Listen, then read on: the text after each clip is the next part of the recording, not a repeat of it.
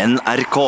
Veldig spennende gjest her i dag. Jimmy Øyen er 26 år gammel, veletablert på kokkelandslaget, vil jeg påstå. Matspaltist i D2, kokk på God morgen Norge på TV 2, og ikke minst så driver han en av landets aller beste restauranter. Nemlig restaurant Rest, eh, der han tryller frem deilig gourmet basert på råvarer butikker flest definerer som søppel, kanskje. Jeg vet ikke om det er å ta i. Velkommen, Jimmy. Takk, takk. Hvordan går det? Det går fint. Det går bra. Litt tidlig om morgenen det her, men eh, ellers fint.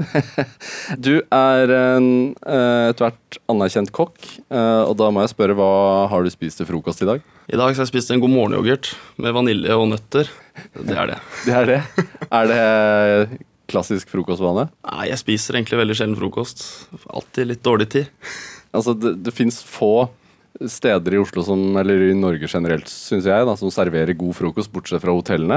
Eh, når du som gourmetkokk og restaurantsjef eller kjøkkensjef på en restaurant sitter her og sier du har dårlig forhold til frokost, er det, er det derfor? Er det derfor vi ikke har noen gode frokoststeder? Er det, liker ikke Vi har liksom ikke noen lunsjtradisjoner eller frokosttradisjoner i Norge i det hele tatt. Nei? Det er få steder også som har god lunsj, også her i Oslo. Ja. Jeg vet ikke. Det kommer vel av bare Det er bare sånn det er. Men, men hvis du skal trylle frem en fantastisk frokost, da, hva, hva er liksom det beste du kan spise? Egg er jo den beste frokosten eh, for meg, i hvert fall. Egg og bacon. Da er jeg i himmelen. Veldig enkelt. Ja. Det skal ikke være så vanskelig. Nei, Ikke mat man lager hjemme, i hvert fall. ikke noe Benedict. Jo, da, da, er, det, da er det søndag.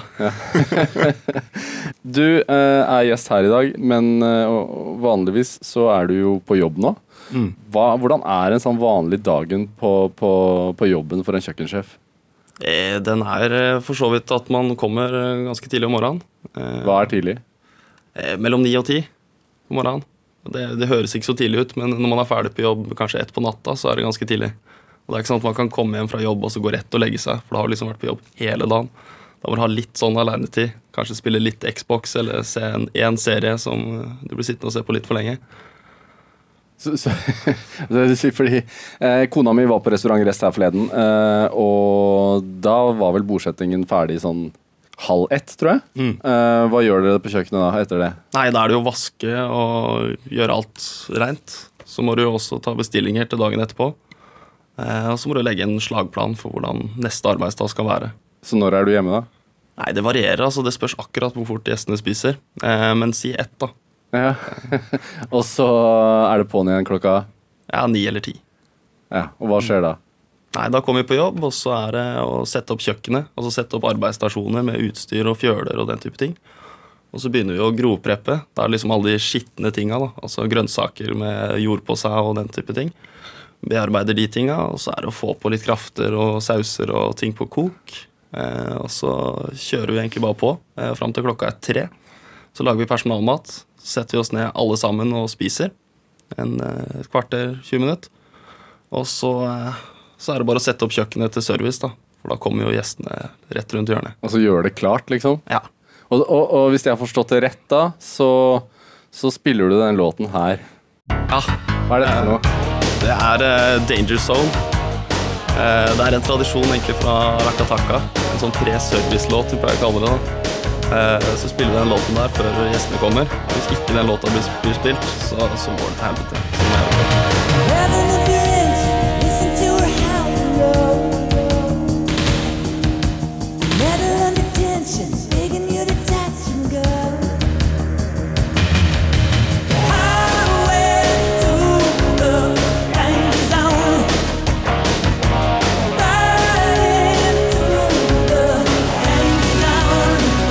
For å liksom jazze opp Jazz opp stemningen. Ja. Du kjenner den?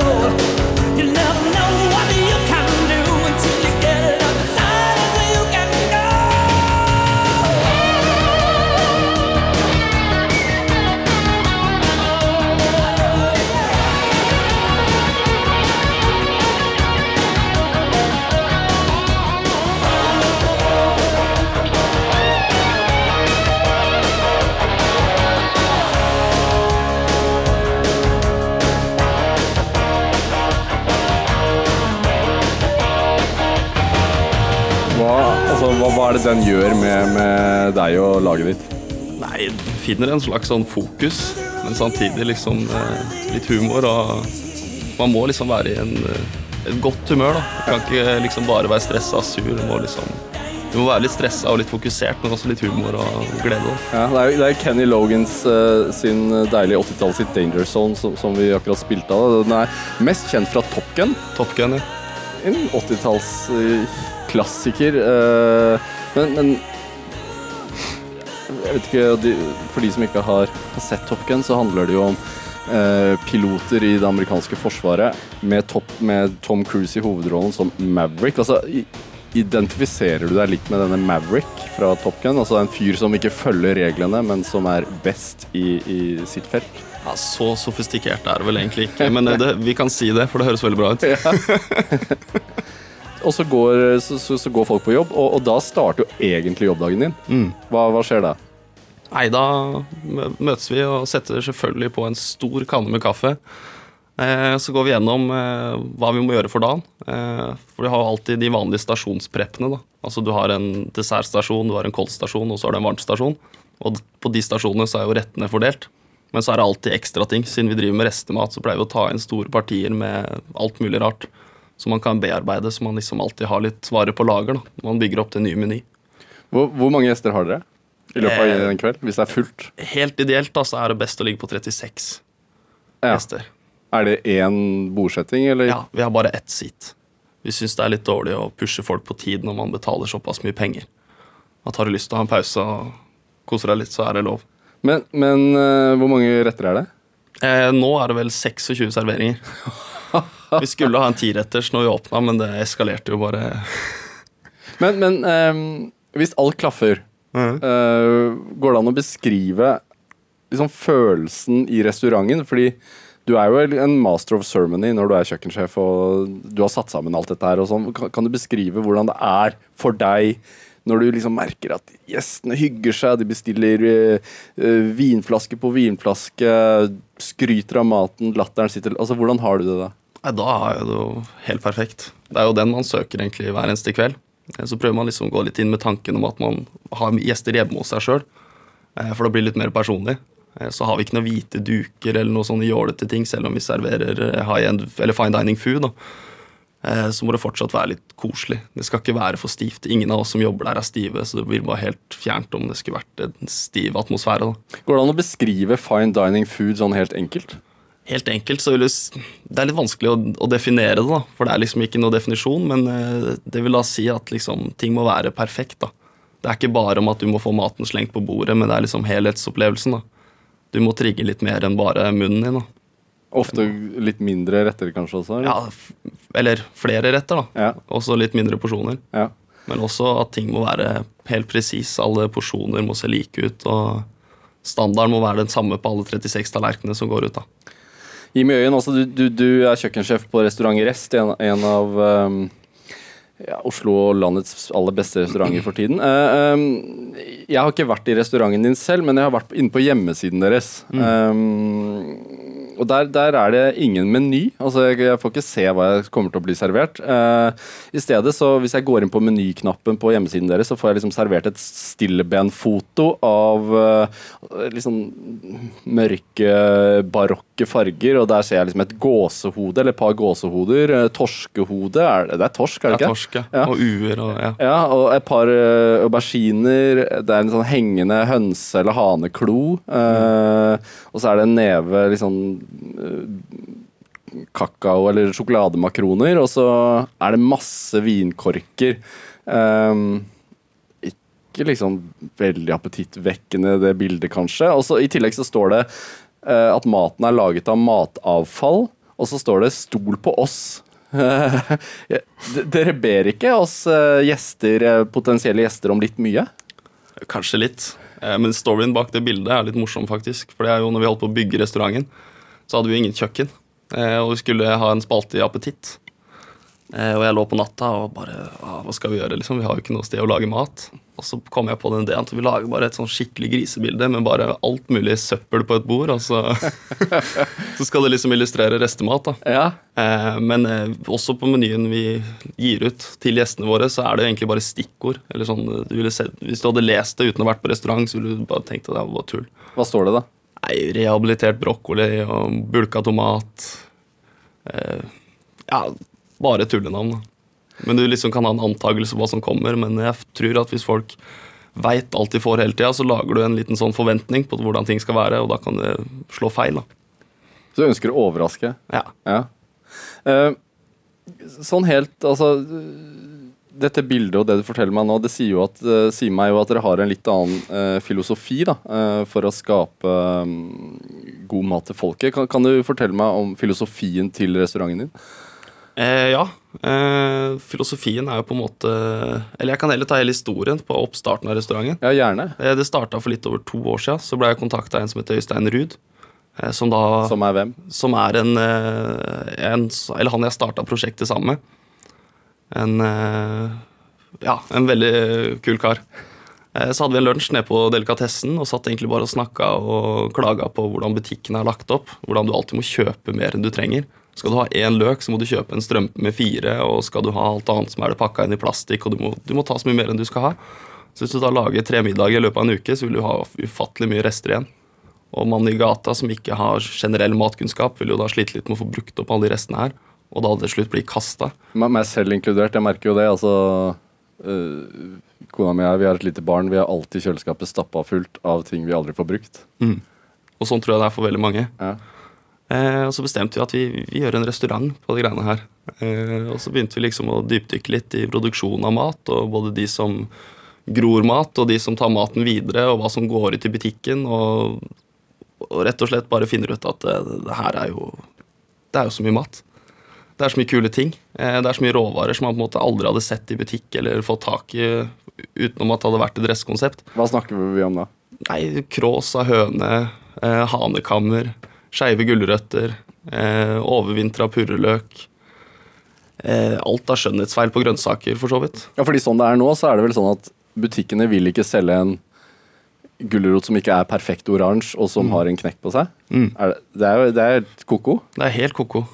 Eh, og så har jo vi nordmenn også et sånt bilde om at, liksom, at ting er sånn. Sånn skal det være. Ja. Men det er jo ikke det. I det hele tatt. Men er ikke det litt rart, da? Fordi vi er jo en matdyrkende nasjon. Altså, vi er jo en nasjon av uh, uh, fiskere og bønder, uh, egentlig. Eh, vi er vant til altså, Da jeg vokste opp, så hadde vi eh, potetkjeller, for vi hadde vår egen potetåker. Eh, hvorfor er du blitt sånn, tror du? Jeg vet ikke. Det har vel eh, skjedd veldig mye på kort tid. da. For at vi har ikke hatt så veldig mye her i Norge til at vi plutselig har det altfor godt. For vi bruker jo nesten ikke penger på mat, prosentvis av hva vi tjener, forhold til andre land. Så mat er jo veldig veldig billig i Norge. Ja. Og det er liksom pris som styrer alt. Eh, folk kjøper jo generelt eh, grønne Granny Smith-epler selv om det er eplesesong her i Norge, for at de ser så fryktelig pene ut. Og så er de litt billigere. Og de holder jo så lenge. Og så holder de jo for alltid.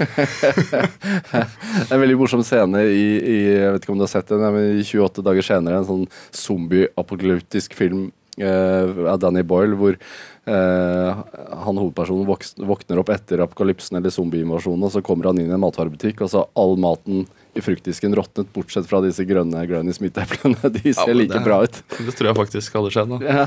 Men, men, men uh, likevel så klager vi, da, på at det er dyrt. Ja. Men det er, jeg syns mat er altfor billig. Generelt i Norge. Ja. For jeg tror liksom hadde ting hatt en større verdi, så hadde du ikke drevet og kasta det. Det var ingen som hadde kasta den nye iPhonen sin eller den nye veska si eller de nye joggeskoa. Men mat som på en måte er så billig at du velger å hive den og heller kjøpe nytt dagen etterpå, så er jo det et tegn på at det er for billig. Det betyr ingenting for deg. Det er et veldig godt poeng. Hva, hva, hvor får dere tak i disse stygge grønnsakene? Nei, Det er veldig mange forskjellige.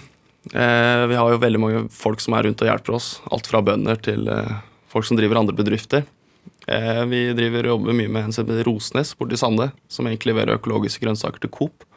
Men tredjesorteringsgrønnsakene hans de går jo aldri ut i butikk. Så da hjelper vi til der. Og så har vi eh, Bama, for eksempel. Eh, ting som kan ha skjedd eh, under frakt. Ting som kan ha ligge lenge på lager. Som på en måte ikke er helt off, men de kan ikke selge det til full pris. Så jobber vi mye med Holte. Holte gård i Drangedal, som driver med kyllinger. De også tar vi inn sånn som hanekammer og hønseføtter og innmata høne. Krås, f.eks. For det er ting som vanligvis Som ikke kastet. blir brukt. da Ja. Så liksom eh, kastebegrepet Vi prøver å ta ting før det har blitt dårlig. da Sånn som tredjesorteringsgrønnsaker. Det blir jo hønsefôr eller kast til slutt. Men det er jo ikke en restvare der og da. Men det ligger jo der til det blir dårlig. Er det rimeligere for dere å kjøpe dette her, eller er det Noen ting er litt rimeligere, men det å stå eksempel, og skrelle en gulrot som har fem kanter og Så ah, jeg tror liksom arbeidstidene og bearbeide de tinga går liksom Vinninga går opp i spinningen. da. ja. Dette er Drivkraft med Vegard Larsen i NRK P2. Men, men eh, eh, Jimmy Øyen, kjøkkensjef på, på restaurant Rest. Uh, litt tilbake til uh, oppstarten av restauranten. Eh, Du begynte å fortelle om at du hadde et møte med, med, med han som etter hvert eh, ble- Øystein Ruud. Øystein Ruud, ja, som, som eh, valgte å investere i dette sammen med deg. Eh, fortell. Eh, ja, eh, begynte vi å dypdykke og finne ut at det er utrolig mye kule råvarer. Og liksom, det her er jo litt spesielt, og det er jo bra. Eh, så eh, jeg fant ut at det var ingen som kjøpte elbilen før Teslaen kom. Eh, så var da vi bestemte oss for å liksom gjøre en high end-restaurant. og folk syntes jo det var utrolig rart. At vi liksom skulle gå og dumpster-dive masse ting og selge det dyrt i et fine dining-konsept. Og liksom alle kokker er sånn der du skal ha de beste råvarene, du skal ha det aller beste, fineste. Så vi fikk litt tyn der fra starten av, og så har vi egentlig bare jobba og forma konseptet. Så samla jeg bare egentlig de beste vennene mine fra bransjen, de flinkeste kokkene jeg vet. Og så begynte vi å forme og gruble og finne ut åssen vi skulle gjøre det her. Snakke penger og den type ting. Fant vi et lokale eh, og begynte å gruble åssen vi skulle ha lokale. Og egentlig lagd alt sjøl, på en måte. Mm. Hva, hva, hva, er, hva er utfordringen i å lage eh, Sette sammen en meny av disse råvarene, da? Nei, Du må liksom jobbe litt motsatt av hva man har gjort før. For da sitter du og venter på sesongvarene og velger fra høyeste hylle og liksom de beste. Og nå er det mer sånn at man finner Du har ikke kaviar, liksom? Jeg har ikke det. Skulle gjerne hatt litt kaviar. Men... men det er ikke sånn no go på kaviar heller. da. Vi er liksom ikke helt der. Har du en eh, skikkelig kul restråvare som du på en måte serverer, og den trenger litt kaviar, så er det klart vi må bruke litt kaviar. Men, men eh, er det en annen Altså, du, sier du må jobbe bakover. Eh, fortell litt mer om det. Eh, jeg skjønner ikke. Nei, altså, du må på en måte si, så finner du en grønnsak da, eller et eller annet som er et restprodukt, og så må du på en måte bare makse det produktet. da. Kontra at du velger at du skal ha artisjokker, kaviar og estragon, og så lager du en rett ut av det.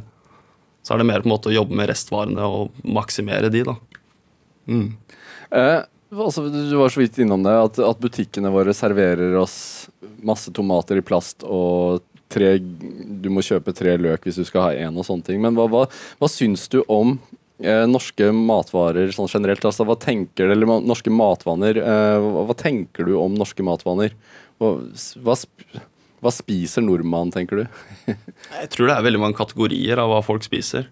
Hvis jeg tar bare fra mine kretser, da, så har jeg jo de grillpølse- og Grandiosa-spiserne som bare spiser for å leve. Det er 26-åringen, da. Ja, ja. Ja.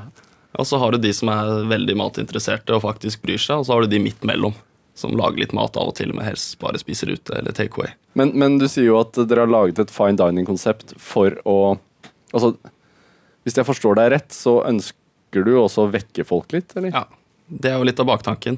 Eh, Å på en måte vise folk med en positiv holdning at liksom, hei, det her er egentlig veldig kult. Eh, disse råvarene som er bulkete og rare og skeive, det er ikke noe gærent med de. De bare ser litt rare ut. Men det er også helt naturlig. da. Men får jeg som forbruker eh, tak i disse råvarene? Nei, du får nok ikke tak i hanekam og hønseføtter og sånn på, på en eller annen butikk, men, eh, men det er mer baktanken og filosofien. da. Ja. Mm. Har, eh, Rest har, har eh, eksistert nå i, i snart to år. Nei, ett år. Et, ja, ett år, beklager. Eh, er det du, Merker du at det har kommet noe endring, eller har du liksom fått til noe allerede, føler du? Jeg føler vi er, eh, er på sporet av det vi vil oppnå, da. Eh, Men det tar litt tid å bygge opp en restaurant. Eh, Bare det å sette rutiner og få alt til å fungere, til å skal kjøre ut så mange retter til så mange gjester, det er ganske mye logistikk. Så hvis du kan tenke deg hvis jeg har 36 gjester i løpet av en kveld, da, og så er det 26 ting per gjest, og så kan du tenke deg seks komponenter per rett, da er det ganske mye mat du skal holde styr på og, og preppe i løpet av den dagen. Eh, også når du ikke skal hive noen ting av det, så er det liksom det er en, det er en vei å gå. da. Hvor mange av rettene lager du, da? Eh, vi lager veldig mye av det sammen. Jeg er vel egentlig rundt på alle stasjoner. Eh, hvis du tar eh, den menyen eh, dere har eh, eh, i restauranten denne uka her, hva, altså, kan du ta oss gjennom den? Kanskje ikke alle 26 rettene, men også så vi forstår, vi har et bilde av liksom, hva slags type restemat dere serverer oss, og hvordan?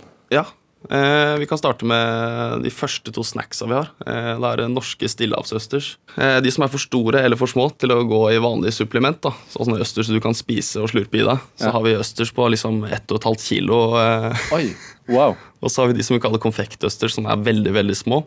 Men du, du, altså, du serverer ikke en Nei, nei, halvannen nei, kilos nei, nei. østers til en gjest? Nei. Eh, På de store så lager vi en sånn krema østersbase som vi støper med egg. Eh, Teknikken heter shawamushi, japansk teknikk. Eh, Med posjert østers, og så har vi røkt kjernemelka geit, brokkoli og sjalottløk og gressløk. Ja, for geit blir heller ikke brukt noe særlig. Hva sa du? Geit blir heller ikke Nei. brukt så mye. Ikke i det hele tatt. Eh, andre østersen så har vi eh, en eh, kambodsja som er laget på tang. Eh, da sukkertang og søl. Og så har vi en sånn østersperle som er støpt og flytende inni med selleri. Eh, så er det norsk ål som er på rødlista vi serverer. Oh, ja. Veldig tabu. Er det greit? Ja, Havforskningsinstituttet har gitt 30 båter en liten kvote de har lov å fiske opp hver sesong. Som de tar opp litt kun for å sjekke om det er vekst eller nedgang fra år til år. Og nå er det visst veldig bra. Eh, men så tenker vi at når fisken allerede er tatt opp, så må vi jo spise den. Ja. Vi kan ikke la være å servere den eh, når den allerede er tatt opp. Får du levende all in? Nei, de er ikke levende. Nei. De er døde. Ja, ok. Jeg har hatt en levende ål én gang, og det var første og siste gang. Det var da jeg jobba på Palace Grill, så bestilte jeg varer på fylla en gang. Så bestilte jeg ti kilo med levende ål. Og kom på jobb fyllesyk og har en kasse som bare lager masse lyd. Da var det all over the place, eh, for å si det sånn. Jeg tror jeg holdt på med den ålen hele dagen. Jeg. Ja, for den er Ja, den dør ikke om du spikrer den i hodet, eller den, den dør ikke, liksom. hva, hva, hva må man gjøre, da? Nei, du burde egentlig ta oss og drepe de, og så la de ligge og blø ut en natt. Men eh, bare for å informere den lytteren som ikke kjenner Pallas Grill, så er det også en, en uh, rimelig renommert uh, uh, restaurant her i Oslo. Vært der i mange mange år. Er egentlig blitt en institusjon. Eh, du fikk jo en del av skoleringen din der, hvis jeg forstår det rett. Ja. Ja, Du blir fort voksen på Pallas. ja for det er en uh, rock'n'roll-restaurant. Ja. Er det ikke det, da? Jo, det er det. Men du forteller jo om en meny som er ekstremt kompleks, eh, og jeg skal ikke på noe som helst vis bruke alderen din imot deg, heller tvert imot. Altså det, jeg synes det er veldig imponerende at eh, det er ikke så mange 60 år gamle kjøkkensjefer på fine dining-restauranter i landet her, er det det? Nei, det tror jeg er få. Det tror jeg er veldig få. Ja. Hvor starta den matinteressen din, da? Eh, Mutter'n er jo også kokk. Eh, så allerede da jeg var 13 eller 14 år, så begynte jeg å jobbe litt med mutter'n på en veikro som heter Telemarksvingen i Bamble. Så der du har bodd eller er fra? Ja. Ja. Eh, så var det jeg debuterte på kjøkken. Jeg begynte litt i oppvasken og vaska, og så fikk jeg bare snike meg mer og mer inn på kjøkkenet og lage litt mat. Hva lagde du da? Nei, helt uh, ordinær husmannskost, men det er liksom helt riktig sted å starte. da. For du må kunne grunnbasen av matlaging før man skal begynne å gjøre noen andre ting. Jobber moren din der ennå? Hun jobber der fortsatt. Ja. Hva, hva, er du innom kroa når du er i Ja, ja. Telemark. Hvis jeg er hjemme, så er det inn å få seg litt kjøttkaker og kålstuing og Men det er, er Moren din må være veldig stolt, da. Ja, jeg håper det. Jeg håper det. um, når du reiser hjem da uh, til moren din, hvem er det som lager mat da? Du eller hun? Nei, det er hovedsakelig mamma som lager mat hjemme. Uh, Det er egentlig også tradisjon, men vi lager også veldig mye mat sammen. Eh, Når det lar seg gjøre. Så tryller vi litt mat sammen og snakker mye om mat og er liksom En ting man har til felles, da. Ja. Hva er det beste hun serverer, da? Ja, det er flere ting, egentlig. Eh, grillmat, kanskje. Alt som er grilla, er digg, da. Ja. Eh, Men tilbake til det. altså Du er 13 år, du begynner på oppvaska på Telemarkskroa. Eh, hva heter, heter den igjen? Telemarksvingen. Telemarksvingen. Alle bør reise innom der antageligvis hvis, da, hvis de er i Telemark. Mm. spiser kjøttkakene. Men, eh, men eh, hva var det med det å jobbe på kjøkken eh, og jobbe i en restaurant som, som var tiltalen for en 13-åring? Nei, Det er jo tempoet og det er på en måte stemningen og atmosfæren som er i et kjøkken, eh, som jeg tror trigga meg mest. At det er så hektisk, og er, folk er så fokuserte og jobber fort, men liksom likevel presterer veldig bra. Eh, og så syns jeg det var veldig gøy med mat, og jeg har alltid vært veldig glad i mat.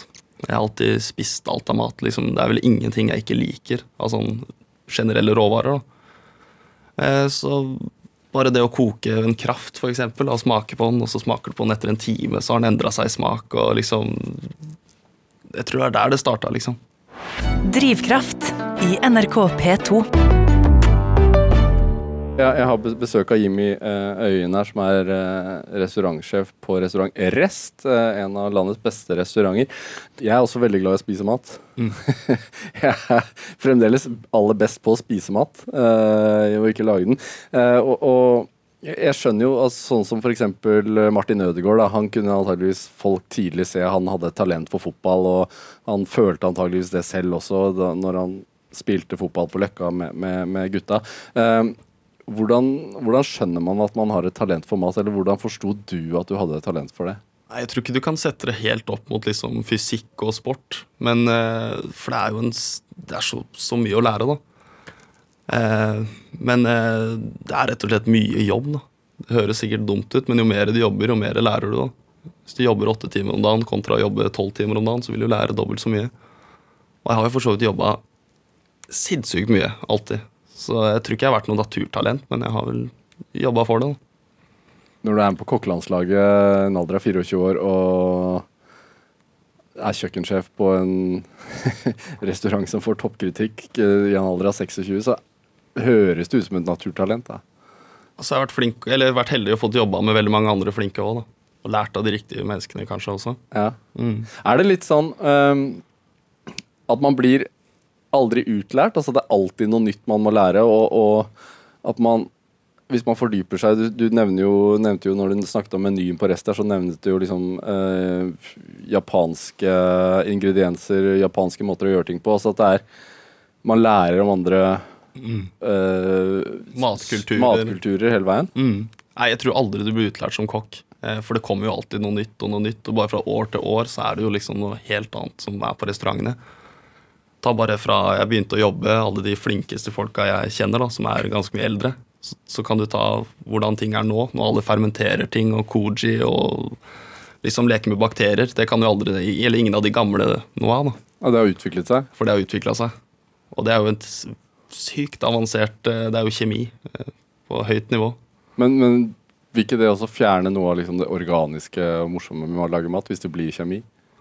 Nei, for det er jo på en måte også veldig Det er jo old school å fermentere. Det er jo egentlig kjempegammelt. Men det er jo mer om å konservere og skape smak, enn det annen smak i en grønnsak, f.eks. Hvis du har skorsjonrot, f.eks., så smaker ingenting i utgangspunktet. Hva, hva, hva sa du? En, skorsjonrot. hva er det for noe? svartrot eller fattigmannsasparges. Det er en gammel gammel rotfrukt fra Norge som har egentlig ingen smak. Men hvis du fermenterer den, så får den syrlig smak og smaker liksom en helt annerledes. da.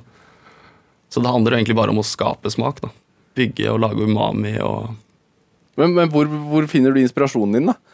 Nei, nå er jo informasjon veldig lett, da. Nei, nå har man jo internett. Ja. Eh, Så det gjør jo ting litt annerledes enn når man begynte i læra. Alle hadde kokebøker. Nå kan du jo google og finne ut av alt. Og så er jo veldig mange restauranter de deler jo informasjon på sosiale medier og sånn.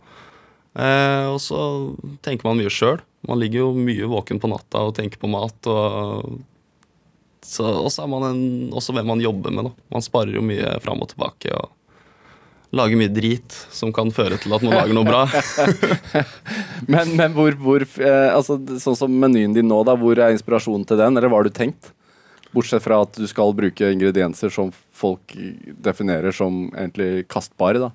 Nei, egentlig sånn eh, at det skal være forskjellige smaker, da, forskjellige teknikker. Og sånn at du liksom aldri går lei da, eller føler at noe er likt. Det er egentlig det hovedinspirasjonen i menyen. Eh, og så har vi jo en menysetup som er eh, helt på trynet i forhold til hva man har lært, i forhold til det som heter menynøkkelen. Eh, så prøve å tenke litt ut av boksen da, hele tida. Prøve å gjøre ting på en litt ny måte. For det er veldig mye som er som det er, er bare sånn for det er sånn. Det er ikke noe grunn. Men, men eh, må man være Altså Jeg har sett på denne serien som ligger på Netflix som heter Chef's Table. Eh, hvor det er møter med flere av de aller beste kokkene i, i verden. Eh, og, og det jeg ser generelt med de, eller det som kjennetegner veldig mange av de, er at de er helt ekstremt, ekstremt målretta. Mm. de har nærmest tunnelsyn. Eh, er det noe du kan kjenne deg igjen i? Eh, nei, og jeg kan si det sånn at eh, det er ikke sånn det er på Chef's Table i virkeligheten. Nei, du tror ikke det? Nei, overhodet ikke. Nei, Hvordan er det egentlig, da? Nei, det er jo et helvete, da, rett og slett. Det er jo det er tung jobb, og det er hardbarka, og det er liksom ingen som går rundt og er sofistikerte, og det er jo hardbarka jobb. Hva da? Mener du at det er en løgn? Ja, det er en løgn. Ja. Men hva er din drivkraft, da? Nei, det er jo egentlig å bli bedre og progressere hele tida, og prestere hver eneste dag. Eh, og hvis du har gjort noe drit en dag, så må du liksom dekke over det dagen etterpå. Da. På en måte. Nei, det er jo å bli bedre. Jeg vet ikke. Det er vel kanskje en eh, sånn eh, rar, egoistisk For man er jo sin verste fiende der, da. Man bryr seg kanskje ikke så altfor mye om hva andre syns, men det er jo deg sjøl, da. Du skal være flink, da. Og bli flinkest. Men lå, lå det en tidlig mestring der for deg? Altså sånn Når du begynner på kjøkkenet til moren din som 13-åring, eh, og du eh, begynte å jobbe på en restaurant som 17-åring, var det ikke sånn? Eh, hva med annen type skolegang? Altså Eh, nei, jeg gikk jo på vanlig kokkeskole. Ja. eh, to år. Eh, og så er det to år i lære. Og det var da jeg flytta til Sandefjord. Og begynte å jobbe for en som heter Odivar Solvold, som var da mitt kokkeforbilde da. Hvem er det? Nei, Det er den mestvinnende konkurransekokken i Norge. Og jeg vil si kanskje at han er nok den uh, Norges beste kokk. I hvert fall på smak og, og, og det å drive restaurant. En smart, klok mann. Hva lærte du han, da? Nei, det er vel egentlig grunnbasen av det man sitter med i dag. Som man på en måte har videreutvikla og fått litt egne syn på. Og, og hva er det? Nei, altså Når jeg begynte i læra som 17-åring og til nå, så er jo tidene helt annerledes. Så hvis man skulle stått og lagd det samme, så har man på en måte ikke progressert. da. Men man, eh, jo mer man lærer, jo mer eh, egne meninger får man, og jo mer eh, identitet blir det jo i maten din. da. Hva, hva, hva, hvis, du, hvis du kan tenke at uh, maten din på, på rest gjen, eh, gjenspeiler deg, da, og du har din identitet i den, hva, hva kan man forstå av deg? Vi er veldig glad i mye smak. da. Jeg mener Mat skal smake mye på restaurant. Du skal ikke ha noe som minner om et knekkebrød med hvitost. liksom. Det må enten være syre eller aroma eller salt eller punch på en eller annen måte. Det skal ikke være for jålete heller. Eh, og så er jeg veldig glad i å på en måte vise fram de tekniske ting, så gjester kan tenke at oi, åssen har de lagd det her? Eller åssen har de fått til det? Eller hva i all verden er det de har tenkt her? Hvilke retter er det som eh, setter folk ut, da? Nei, vi serverer jo hanekam, eksempel. Puffa hanekam. Eh, Da er det ganske mange som rynker på nesa, men så er det veldig godt, da. Men det er jo en sånn faktor når man er litt skeptisk på en ting og smaker på det, eller sånn så tør man å smake på det, og så er det godt, og så liker man det, så, så blir det ekstra positivt, da. Men skjer, skjer det at folk sender det tilbake? Nei, det er jo alle har vel smakt det nå. Det er vel én hanekam som ikke har blitt spist til nå, tror jeg. Men, men er det en, en, en eh, Altså, du har en opplæring i eh, at folk skal bruke Altså Rest eh, ønsker jo at folk skal bruke eh, grønnsaker og, og råvarer som man ikke nødvendigvis tenker kan bli god mat. Men, men er det også en opplæring i smak eh, når man driver en sånn restaurant? Altså Utfordrer du ganen til folk? Ja, det gjør vi. I stor grad, for det er vel ingenting i hele menyen som er delikat. Det er, eh, er også delikat, da mener jeg at mildt i smak og oh, ja, ja. Men ting smaker veldig mye. Og jeg føler vi må jobbe litt den veien òg, siden vi jobber med restgrønnsaker. da. Vi må maksimere de. Hvorfor har det blitt sånn at det har kommet så veldig mange gode restauranter i Norge og Oslo den siste tiden, tror du? Nei, det er vel veldig trendy å åpne restaurant. Det åpner jo veldig mye bra restauranter i Oslo. Og det blir jo mer og mer konkurranse, men jeg syns egentlig bare det er veldig bra, for du får sila ut dårlige restauranter. Og da blir jo egentlig Oslo bare bedre og bedre da, i restaurantverden. Eh, men hvorfor, det, det veit jeg ikke. Det er vel et veldig godt kull med veldig mange flinke kokker som, som satser. da. For det har jo vært sånn at Norge har stått veldig sånn ligget bak Danmark og Sverige i mange år. Hvor ligger vi på rankingen nå, føler du? Nei, det, det er en stigende kurve. Det er det. Men, men du sier at uh, det er veldig populært å åpne restaurant. Uh, det er jo litt sånn at kokken er den nye rockestjerna, uh, føler jeg. Det har jo vært sånn noen år. Mm. jeg ser på deg nå, du har flere tatoveringer enn en, mange rockemusikere, for å si det på den måten. Og, og man hører jo om at kokker lever et hardt liv. Du sier jo selv at du er ferdig på jobben rundt ett. Myten er jo at kjøkkensjefer gjerne har høyt blodtrykk og høyt inntak av stimuli. Det var en fin måte å legge det fram på. er, det en sannhet i det? Ja, det er jo det. Eh, Men man lever på en måte litt motsatt av alle andre, og så blir man en sånn liten klikk med kokker eh, som gjør ting på kveldstid. Da. Så det blir jo en del drikking. eh, Det skal man jo ikke gjemme vekk.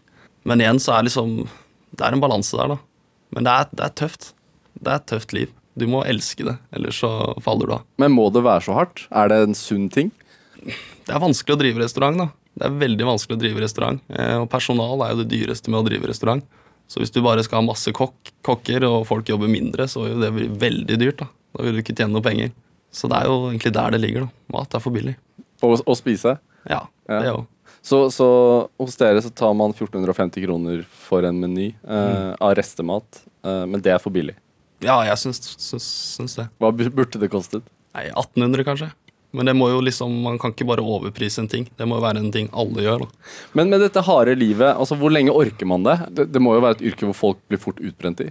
Ja, Pensjonsalderen for kokk er 26 år, så jeg er egentlig pensjonert. Er det sant? Ja, det er sant. Her i Norge. Men det tror jeg er mest av at folk stifter familie og har litt andre ting på agendaen. Og da passer det seg ikke å jobbe så mye. Men jeg hørte et sted at det var en endring på gang, eller at det er en endring på gang blant dere litt yngre kokkene i, i landet. Ja, det er vel, Tenker du på skriking og kjefting nå? Nei, ja, kanskje det også. Hva, hva går det ut på? Nei, eh, det har jo vært Når vi begynte, eller når jeg begynte i kokkelæra, da, og så var det helt andre tider enn det er nå. Men det har jo skjedd noe med rekruttering. Det er jo ingen som har lyst til å bli kokk lenger. Hvorfor det? Eh, Fordi at det er hardt. Det er kjefting, og det er skriking. Og hvis folk syns ikke det er så kjekt, da. Men eh, det begynner å endre seg veldig mye nå, da. Eh, Da er det ikke så mye skriking lenger, og så lenge alle har samme ambisjonsnivå og vil det samme og gjør sitt beste, så er det ikke noe vits å stå og hyle og skrike på hverandre. Du skjems like mye for å ha ødelagt en ting, så det trenger ikke å ha en ræva dag resten av dagen. Da er det mer at man løser det på en bra måte, og så unngår man at det skjer igjen. Og så er jo arbeidsmiljøloven eh, blitt veldig streng nå på hvor mye man har lov å jobbe. Det er ikke lov å jobbe så mye lenger. Er det en god ting, eller er det Jeg tenker det er en, eh, det er en bra ting. Eh, For du, vi må jo jobbe for å få ned arbeidstida eh, så, så langt det går, da. Så det er jo et greit fokus å ha. Er det derfor eh, restaurant Rest også kun er åpen fire dager i uka? Ja. Det er kun derfor. Eh, For hvis vi da skal ha flere, da måtte vi hatt flere, eller flere folk på lønn. Og da hadde vi også vært avhengig av å ha full restaurant på mandag-tirsdag også. Så regnestykket er eh, Det er lettere å ha åpent fire dager i uka. Så du har fri, du har fri søndag, mandag, tirsdag? Det er ikke så dårlig. Ja. Vi har ikke åpen restaurant søndag, mandag, tirsdag. Jeg har ikke fri. Hva, hva, hva gjør du da? Nei, Søndager så pleier jeg å sove hele dagen. Eh, mandager, Ta igjen? Ja, ta igjen litt søvn. Ja. Jeg vet ikke går an, men eh, man tror det. Og mandager så er det mye møter og sånn. Eh, og tirsdager så er det full prep-dag. Hvor vi forbereder og lager sånne chips som tar kjempelang tid å lage. Så vi ikke har tid å stå og lage hver eneste dag. Altså, når jeg har en kokk i studio, så må jeg spørre eh, hva, hva er hva er liksom din comfort food? Altså, hva lager du til deg selv når du har fri og skal virkelig kose deg? Eh, kanskje din guilty pleasure, egentlig. Jeg lager ikke så veldig mye mat hjemme. Eh, I hvert fall aldri til meg sjøl. At jeg lager meg middag bare til meg sjøl. Du lager ikke middag til deg selv? Aldri. Men det jeg spiser aller mest hjemme, er eh, egg, altså. Egg? Egg. Omeletter med parmesan og, og den type ting. Eh, og ordentlig guilty pleasures, ja, da er det kanskje asiatisk mat. altså. Som for eksempel? Ramen og patai og fried rice og sånne enkle ting som er sinnssykt godt. vanskelig å lage i, da. Nei, det er ikke så vanskelig å lage. Så går det veldig fort å lage. Det er det fine med asiatisk mat, syns jeg. Det er fort gjort.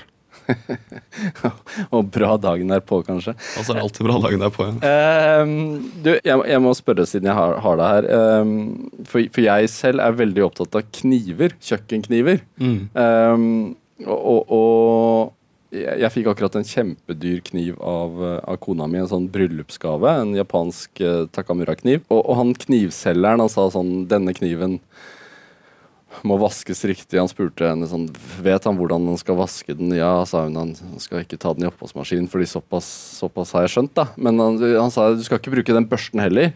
Uh, hvordan behandler du Altså, er du opptatt av kniver? ja, man er jo opptatt av å ha en god kniv til enhver tid. Hvordan skal man vaske den, da? Nei, jeg vasker den med vanlig Zalo, og så gnikker jeg den med fingrene, rett og slett. Men det spørs veldig på hvordan stål man har, da. Noe stål ruster jo veldig fort, og som regel så er eggen et stål som ruster. Eh, Så det er jo det å vaske de med ikke en sterk såpe, og så tørke av de ordentlig godt. Er det, eh, er, det, er det også en del av Nå generaliserer jeg mye, men det er jo det er mye gadgets. Er det også noe som er tiltalende med kokkeyrket? Altså, som du sier altså, det er kjemi, eh, man har kniver, man har maskiner. Eh, det er en større prosess enn bare å lage maten. Ja, og i restaurant så er det jo helt annet enn når man lager mat hjemme. Du har jo mye gadgets og utstyr og termometer og rare duppeditter for å lage mat. Men eh, for å lage ting som er litt spesielle og tekniske, så trenger du også utstyret til å gjøre det. Tilbake til restauranten din. Eh, Du sa jo tidligere her eh, i programmet at eh, målet er å, å skape den gode stemningen. Du må jo møte fryktelig mye mennesker. Det gjør vi. En, altså, hvordan skal man oppføre seg for å liksom bli sett på som en god gjest når man kommer til en restaurant? Nei, det er jo egentlig bare å være positiv, blid og hyggelig. Det er ikke så mye vanskeligere enn det. Har du eksempler på det motsatte? Ja, Det er jo f.eks. gjester som kommer inn og har en dårlig holdning. Og setter seg ned og Ja, du vet den klassiske ekle personen. Hvordan er Det er jo egentlig bare generelt. Det er jo ikke restaurant. Det jo bare, handler jo bare om oppdragelse og oppførsel. Ja. Alle er forskjellige, og alle skal ikke være like, men liksom å ha en positiv, god holdning, det er, det er der det ligger. Noen vil jo inn på kjøkkenet etter hvert og hilse på kjøkkensjefen. Er det greit? Ja, ja. Det er greit. Det er greit. Em, du eh, debuterte jo tidlig på kokkelandslaget Mm. eh, som eh, assistent, da. Nei, Nei, da var jeg kokk. du var først kokk. Mm. Hvor, hvordan er det? Fortell om kokkelandslaget. Ja, Mm. For meg så er det en sånn litt sånn abstrakt størrelse å høre om kokkelandslaget et par ganger i året, og så veit jeg egentlig ikke hva dere gjør. Møtes dere og har samlinger? Hva gjør Ja, dere? eh, det er jo samlinger. Eh, Så trener man jo til VM og OL. Eh, Så har vi da sånne lange samlinger på tre eller fire dager. Eller hadde jeg er jo ikke på kokkelandslaget lenger nå. Eh, Blir, da, blir man tatt ut, eller har du sluttet? Jeg har slutta, for jeg har ikke, jeg har ikke tid, rett og slett. Eh, Men man eh, har samlinger, eh, og så samles man, og så trener man til de konkurransene her, da. Og da er det på en måte en kaldmatskonkurranse, og så er det en varmmatskonkurranse. Så prøver man å legge inn trening på begge to på de dagene man er på samling. Men er det, altså jeg, jeg har be- besøk av Jimmy Øyen her, som er restaurantsjef på restaurant Rest, en av landets beste restauranter. Men er det, henger det høyt å være med på kokkelandslaget? Ja, det er klart det. Det er jo et landslag. Det er jo utrolig kult å få, få være en del av det. Jo, men når du gir deg i en alder av 26, så må det jo Ja, men det er tungt. Eh, når jeg var på landslaget òg, så var det jo når jeg jobba på Pallas. Og når jeg begynte på Pallas, så var meg og kameraten min de yngste som noen gang hadde jobba der. Eh, og jobba med en som heter Halvard, Halvard Ellingsen, som da er ti år eldre enn oss igjen. Og også litt forbilde. Og det presset man legger på seg der og skal imponere hver eneste dag, for da er du ny tiretters hver dag òg, er veldig tungt. Og når du da bruker alle fridagene dine på kokkelandslaget, de få dagene man har fri, eh, og det er ganske intense samlinger, det er, det er lange dager. Og så skal du da direkte rett tilbake på jobb igjen og holde på med det her i Jeg holdt på i to år. Og I tillegg så gikk jeg uvitende med kyssesyken, så jeg var jo helt, helt nedkjørt eh, når jeg slutta på landslaget. Du gikk på en smell. Ja, jeg gikk på en liten smell. Hvordan finner man tilbake da, da? Nei, for meg var det veldig lett. Eh, Jeg bare fortalte kollegaene mine om det, og så tok det vel en måned, så var det, var det good. Uten en eneste fridag. Men du er ikke redd for å hva så, kjøre deg helt ut, da? Ja, Men nå kjenner jeg litt signalene, så egentlig var det bra det skjedde da. For nå, hvis det Hvis man kjenner at det begynner å skurre litt, så kan man bare roe litt ned, så går det greit. Men når du forteller meg, altså, du forteller meg at du begynner på jobben klokken ti. Eh, du spiser på jobben. Dere jobber frem til klokken er nesten ett. Og så skal kjøkkenet vaskes ned, og så skal du hjem. Og så ser du på en Netflix-serie, og så er det samme turn dagen etterpå. Mm. Og sånn går ukene. Ja. Hva er det som gjør at det er verdt det? da? Nei, jeg syns det er veldig gøy, da. Så er det kollegaene, og det er jo på en måte det å få lov å være kreativ og finne på nye ting og, som er drivkraften. da. Det er jo det som er morsomt med restaurant. Og så blir du jo evaluert hver eneste dag, for gjestene kommer jo, og du får jo vite hva de syns. Så er det det å på en måte skape noe, servere det og også levere det, som er den store gleden. Selv om det er den samme Altså, Hvor lenge har dere samme menyer? Nei, det Vi bytter når vi har noe nytt. Vi bytter aldri hele menyen på en gang. Men vi bytter retter for retter når vi får tak i noe nytt. Og så jobber vi alltid med noen nye retter ved siden av. Hvor lenge har dere sånn cirka samme meny? da? Eh, Nå har vi hatt veldig mange av rettene veldig lenge, men vi har hatt veldig mange varianter av de samme rettene eller samme råvarer. Eh, Men på sikt så har vi lyst til å bytte flere retter i uka. Hele tida. Til tilgang. Men Nå du- begynner ting å gå litt mer av seg sjøl, så man kan bruke mer tid på det. Du, du startet jo eh, en del av yrkeslivet ditt på, på Pallas Grill i Oslo, en annen, annen Oslo-restaurant. Og, og der veit jeg, for der har jeg vært, at eh, de bytter meny nesten hver dag. Hvordan var det, da? Nei, det var dødskult. Du pusher deg sjøl ganske langt. Og jeg var jo der i tre år. Og når du sitter da på siste halvår der og skal finne på noe nytt, da, da, må, du, da må du langt ned i kassa og leite. Altså. Men, hvordan, men fortell meg om en sånn prosess. Hvordan er det? Får man da inn råvarene, og så skal man lage en meny, eller hvordan, hvordan funker det? Eh, På Pallas så må du jo ligge en dag i forveien, eh, så du har varer til dagen etterpå. Eh, Så det er jo å sitte etter jobb og kladde på papir og tenke og spare litt med deg sjøl, da. Rett og slett. Og så bestiller du varer, og så kommer du på jobb, og så skal du lage alt det her. Og så er det ikke alltid alt går som det Teori og praksis er jo ikke det samme. Så en ting du har en teori om å lage som ikke funker, eh, så må du løse det på en annen måte. Du kan ikke ikke servere mat. Hva er det vanskeligste, tilsynelatende enkleste å lage, da? Vanskeligste, enkleste Ja, Altså det folk tror er enkelt, men som er ekstremt komplekst. Det er vel litt vanskelig å si. Du kan jo lage alt på en måte, og, og hvem som spiser det, evaluerer jo om det er bra eller ikke. da. Så jeg vil jo si bare å lage en skikkelig god lasagne er jo veldig vanskelig. Du kan lage en lasagne som blir god, men liksom helt perfekt lasagne vanskelig. Hva er magien, da? Nei, det er jo konsistensen på, på hele, eh, hele gratengen. At den ikke er for løs og ikke er for fast. At den er eh, søt nok og salt nok. og Rett og slett væskeinnholdet da, kontra konsistens etter den har vært i ovnen. Men er det, er det prosessen og det å lage disse rettene, eller er det det å glede menneskene som trigger deg? Eh, Kombinasjon, tror jeg. Det er nok det. Men eh, hovedsakelig tror jeg kanskje det er den kreative delen som er det kuleste. Hvordan, altså, hvordan merker du at det sitter, liksom? Retter og sånn, tenker du? Ja, altså menyen, den kreative prosessen. ja. Nei, det er jo når man får utrolig gode tilbakemeldinger, og når man også smaker på den sjøl og tenker at dette var ikke godt, dette var magisk. Det har blitt veldig populært med sånne kokkeprogram på TV. Eh, Jeg ser mye på sånn Toppsjef og sånn. Mm. Hva tenker du om det? Det er dødskult. Ja. Mm. Det gjør jo på en måte Det også er så veldig rart at det er så mye kokkeprogrammer på TV, og det er så veldig mye fokus på matlaging og mat, men det er jo ingen som har lyst til å bli kokker. Ikke i det hele tatt. Rekruttering Det er jo nesten ingen som søker på kokkeskolene. Kokkelinjene er fylt opp med folk som ikke kom inn på førstevalget sitt eh, og egentlig ikke vil noen ting. Så går de ferdig restaurant- og matfag, og så går de aldri ut i læra. da. Et, et, jeg, mitt inntrykk er at det var helt motsatt, fordi at det popper opp så mange nye restauranter hele tiden. Men, men Ja, Det er jo det som hadde vært logisk. Ja. Men uh, det er ikke så veldig mange flinke kokker i Norge, altså. Det er ikke det. Og alle de flinke har en restaurant. og alle restauranter skulle gjerne hatt litt flere kokker. Jeg Um, blir ukentlig spurt om man kjenner en eller annen kokk som kan begynne der og der, eller man veit om en som kan begynne der. Så alle trenger kokker, da. men, men er det noe man kan gjøre for å få gjort noe med, med den trenden, tror du?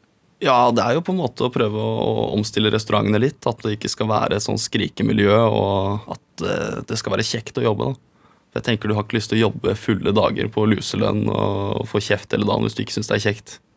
Det, det kan jeg forstå. Men, men hvor viktig er eh, For jeg følger en del eh, kjente kokker på sosiale medier. Eh, han René fra Noma i København, som flere ganger har blitt kåret til verdens beste restaurant. Eh, Og, det er jo fryktelig inspirerende. Hvordan bruker du sosiale medier? Altså, hvor viktig er det, tenker du, i dag? Jeg prøver jo egentlig å holde meg så langt unna telefonen som mulig, for jeg mener det er verdens største tidstyv. Men jeg gjør nok samme som deg. Jeg følger jo veldig mange kokker, eller egentlig bare kokker på Instagram. Hvis jeg blar nedover scrollen, så er det bare mat. og du får jo inspirasjon av det du ser. Ikke det at man går og gjør akkurat det samme, men å se ting får deg til å komme på egne ideer. da. Du hører Drivkraft i NRK P2. Jeg har Jimmy Øyen her, som er eh, kjøkkensjef på restaurant Rest i Oslo. Um, som, som kjøkkensjef så er du jo på mange måter en sånn stemningsskaper. Um, det er liksom Du inviterer folk inn i ditt rom, som du har vært med å designe. Eh, de skal gå inn og få en smak og, og luktopplevelse. Eh, du ønsker jo liksom, at folk skal komme, slappe av, nyte. Eh, og så forteller du meg jo at yrket ditt er ekstremt krevende og altoppslukende. Du blir ikke misunnelig på de som sitter der da, og spiser og tyller i seg vin? og... Nei, det gjør jeg ikke. Jeg vet min posisjon. Jeg syns det er kjekkere å lage mat enn å spise mat. Faktisk. Ja, Ja, det gjør det. men er ikke det du, du må jo ha en god utviklet gane. Ja, det blir, man lærer vel det etter hvert også, da. Det er jo en treningssak. Det er det. Å lære å skjønne balanse og kunne smake på ting og skjønne hva den mangler. Om det er salt eller syre, eller om man skulle kokt 10% lenger ned, eller Men det er en treningssak, tror jeg. Og så hører jeg at dere også spiller en del eh, softrock og litt sånn pullerock og sånn i, i restauranten. Mm. Hva syns folk om det, da? Nei, Folk generelt syns vel egentlig det er kjekt. Men eh, vi er nå der hver eneste dag, og vi har ikke lyst til å gå rundt i et eh, lydløst rom. Vi må ha musikk og stemning, og så løsner det litt eh, folk også. At ikke folk sitter rett opp ned stiv på stolen, at man lener seg litt tilbake og nyter litt. Hva, hva tror du eh, startet Restaurant Rest for litt over et år siden. Og, og hva, hva tror du er liksom nøkkelen til suksess å få til en restaurant? Fordi eh, Restaurant Rest, eh, som vi har vært innom, er jo, en, er jo en restaurant med en litt annen filosofi. Eh, man, man ønsker å servere eh, folk maten de ikke tror de kan spise, på et vis. Eh, men hva, hva tror du er nøkkelen til suksess å få til en god restaurant? For det er jo, mm, som du sier, det popper opp nye restauranter hele tiden. Mange drømmer om å starte sin egen restaurant. Hva, hvordan gjør man det? Hvordan får man det til å funke? Jeg tror kanskje folk er eh, veldig tøffe i planleggingsperioden av en restaurant. Har veldig mye kule ideer og skal dra ting veldig langt. Og når de kommer til kanten av hoppet, så begynner man å trekke seg på alle de tinga som man planlagt, og safe litt, på en måte. Men jeg tror det der å, å, å, å dra det helt ut, da. Stole på det man har tenkt og planlagt, og så gjøre det. da. Ikke trekke seg. Dra ting langt og gjør ting som er litt annerledes og litt sinnssykt og litt spesielt. Og så, så gjør man også noe unikt, da. Men Føler du at du har oppnådd en slags visjon? Ja, men eh, vi er jo folk, vi, vi skal jo gå mye lenger. Og hvor er det, da? Nei, vi bare prøver å pushe hver gang det er plass til å, å gjøre noe mer eller ekstra, så gjør vi det lille ekstra. da. Som sagt, vi skulle ha en tirettersmeny, nå er det 26 serveringer. Men det, du kan ikke måle, Neste målet kan jo ikke være å 48 serveringer. Nei, det er ikke noe mål om å ha så veldig mye flere retter, men kanskje mer teknikk. Eh, har man tid i løpet av dagen og ser at man har tid hver eneste dag, så ja, da må vi lage noe mer teknisk. Da må vi lage noe mer tidkrevende. Selv, da. Personlig. Personlig mål. Hva, hva, hvor er Jimmy Øyen om, om ti år? Nei, det, det veit jeg ikke, altså. Det er litt vanskelig. Jeg, Jeg lever litt mer fra dag til dag. eh, må gjøre hver dag bra, da. Men det er disse stjernene, da. Ja, men Vi prøver ikke å tenke så mye på det. For vi gjør sinnssykt mye ting i restauranten som eh, er veldig fy-fy i forhold til å få en stjerne. Men vi kjører heller på og gjør ting på vår måte som føles naturlig for oss, så bra vi kan. Og så er det jo eh, kjekt med stjerner og, og utmerkelser, sånn sett, men prøver ikke å tenke så mye på det. Men tror du at du hadde spottet disse Michelin-kritikerne hvis de hadde kommet inn? Ja, det tror jeg. Jeg er blitt ganske flink å lese mennesker nå når man har så mange gjester i løpet av en dag og har vært i restaurant så lenge. Men det lurer jeg på, Går det rykter altså når de er i byen, går det rykter da i kokkegjengen om at uh, Ja, ja, ja. nå er, Da nå er det det tekstmeldinger til alle kokker man kjenner hvis man har spotta det i restauranten, så man skal warne de at nå er de i byen. Er det sant? Ja, ja. Hva, hva Alle det? matanmeldere også, så hadde vi jo en sånn eh, som ble sendt rundt i bransjen med bilder av alle matanmelderne fra forskjellige aviser. Så folk hadde hengende på kjøkkenet. Er det sant? hvem, hvem var verst å få på besøk? Nei, det tror jeg ikke jeg skal uttale meg om. Han skal kanskje komme og anmelde restauranten eh, en eller annen gang. Men, men står man på Altså, gjør, legger man i enda mer innsats da, eller gjør man som før? Eh, jeg har ikke prøvd å gjøre det Nei. i det hele tatt. Eh, for det skal jo være så naturlig som mulig. Så tror jeg også hvis man begynner å dalle for mye, så blir det spotta. Og kanskje tatt negativt igjen, da. For det skal jo være like bra for alle gjester uansett. Um, vi nærmer oss slutten her. Eh, klokka er snart eh, tolv. Um, jeg pleier å spørre de som er på besøk her om de kan anbefale en god middagsrett. Siden du er kokk, så tenkte jeg ikke skulle gjøre det. Men kan du anbefale en eh, god drink en fredagskveld? En drink Åh, jeg er ikke så veldig på drink, jeg, altså. Jeg er på, på, på øl og vin. Eh, Hva slags vin, da? Nei, alt mulig. Jeg drikker veldig mye Riesling. Sånn kosevin. Da Jimmy Øyen altså fra Restaurant Rest anbefaler hvitvin og en god, men avansert eh, Hva for noe middag skal man spise? Jeg vet ikke. Siden vi har restemat i fokus her, da, så kan vi snakke litt om quiche og pai og den type ting. Som på en måte alle går og kjøper inn masse varer for å lage, som egentlig er en restematting. da. En quiche og en pai skal jo egentlig bare være rester fra kjøleskapet ditt sammen med egg i en butterdeig i ovnen. Eh, eller en pytt i panne. Man skal ikke kjøpe en frossen miks, det skal være rester fra kjøleskapet ditt. da. Det var det vi rakk i dag, eh, Jimmy. Eh, Jimmy Øyenås også restaurantsjef på Restaurant Rest her i Oslo. Tusen takk for at du kom hit til Drivkraft. Takk, takk, takk.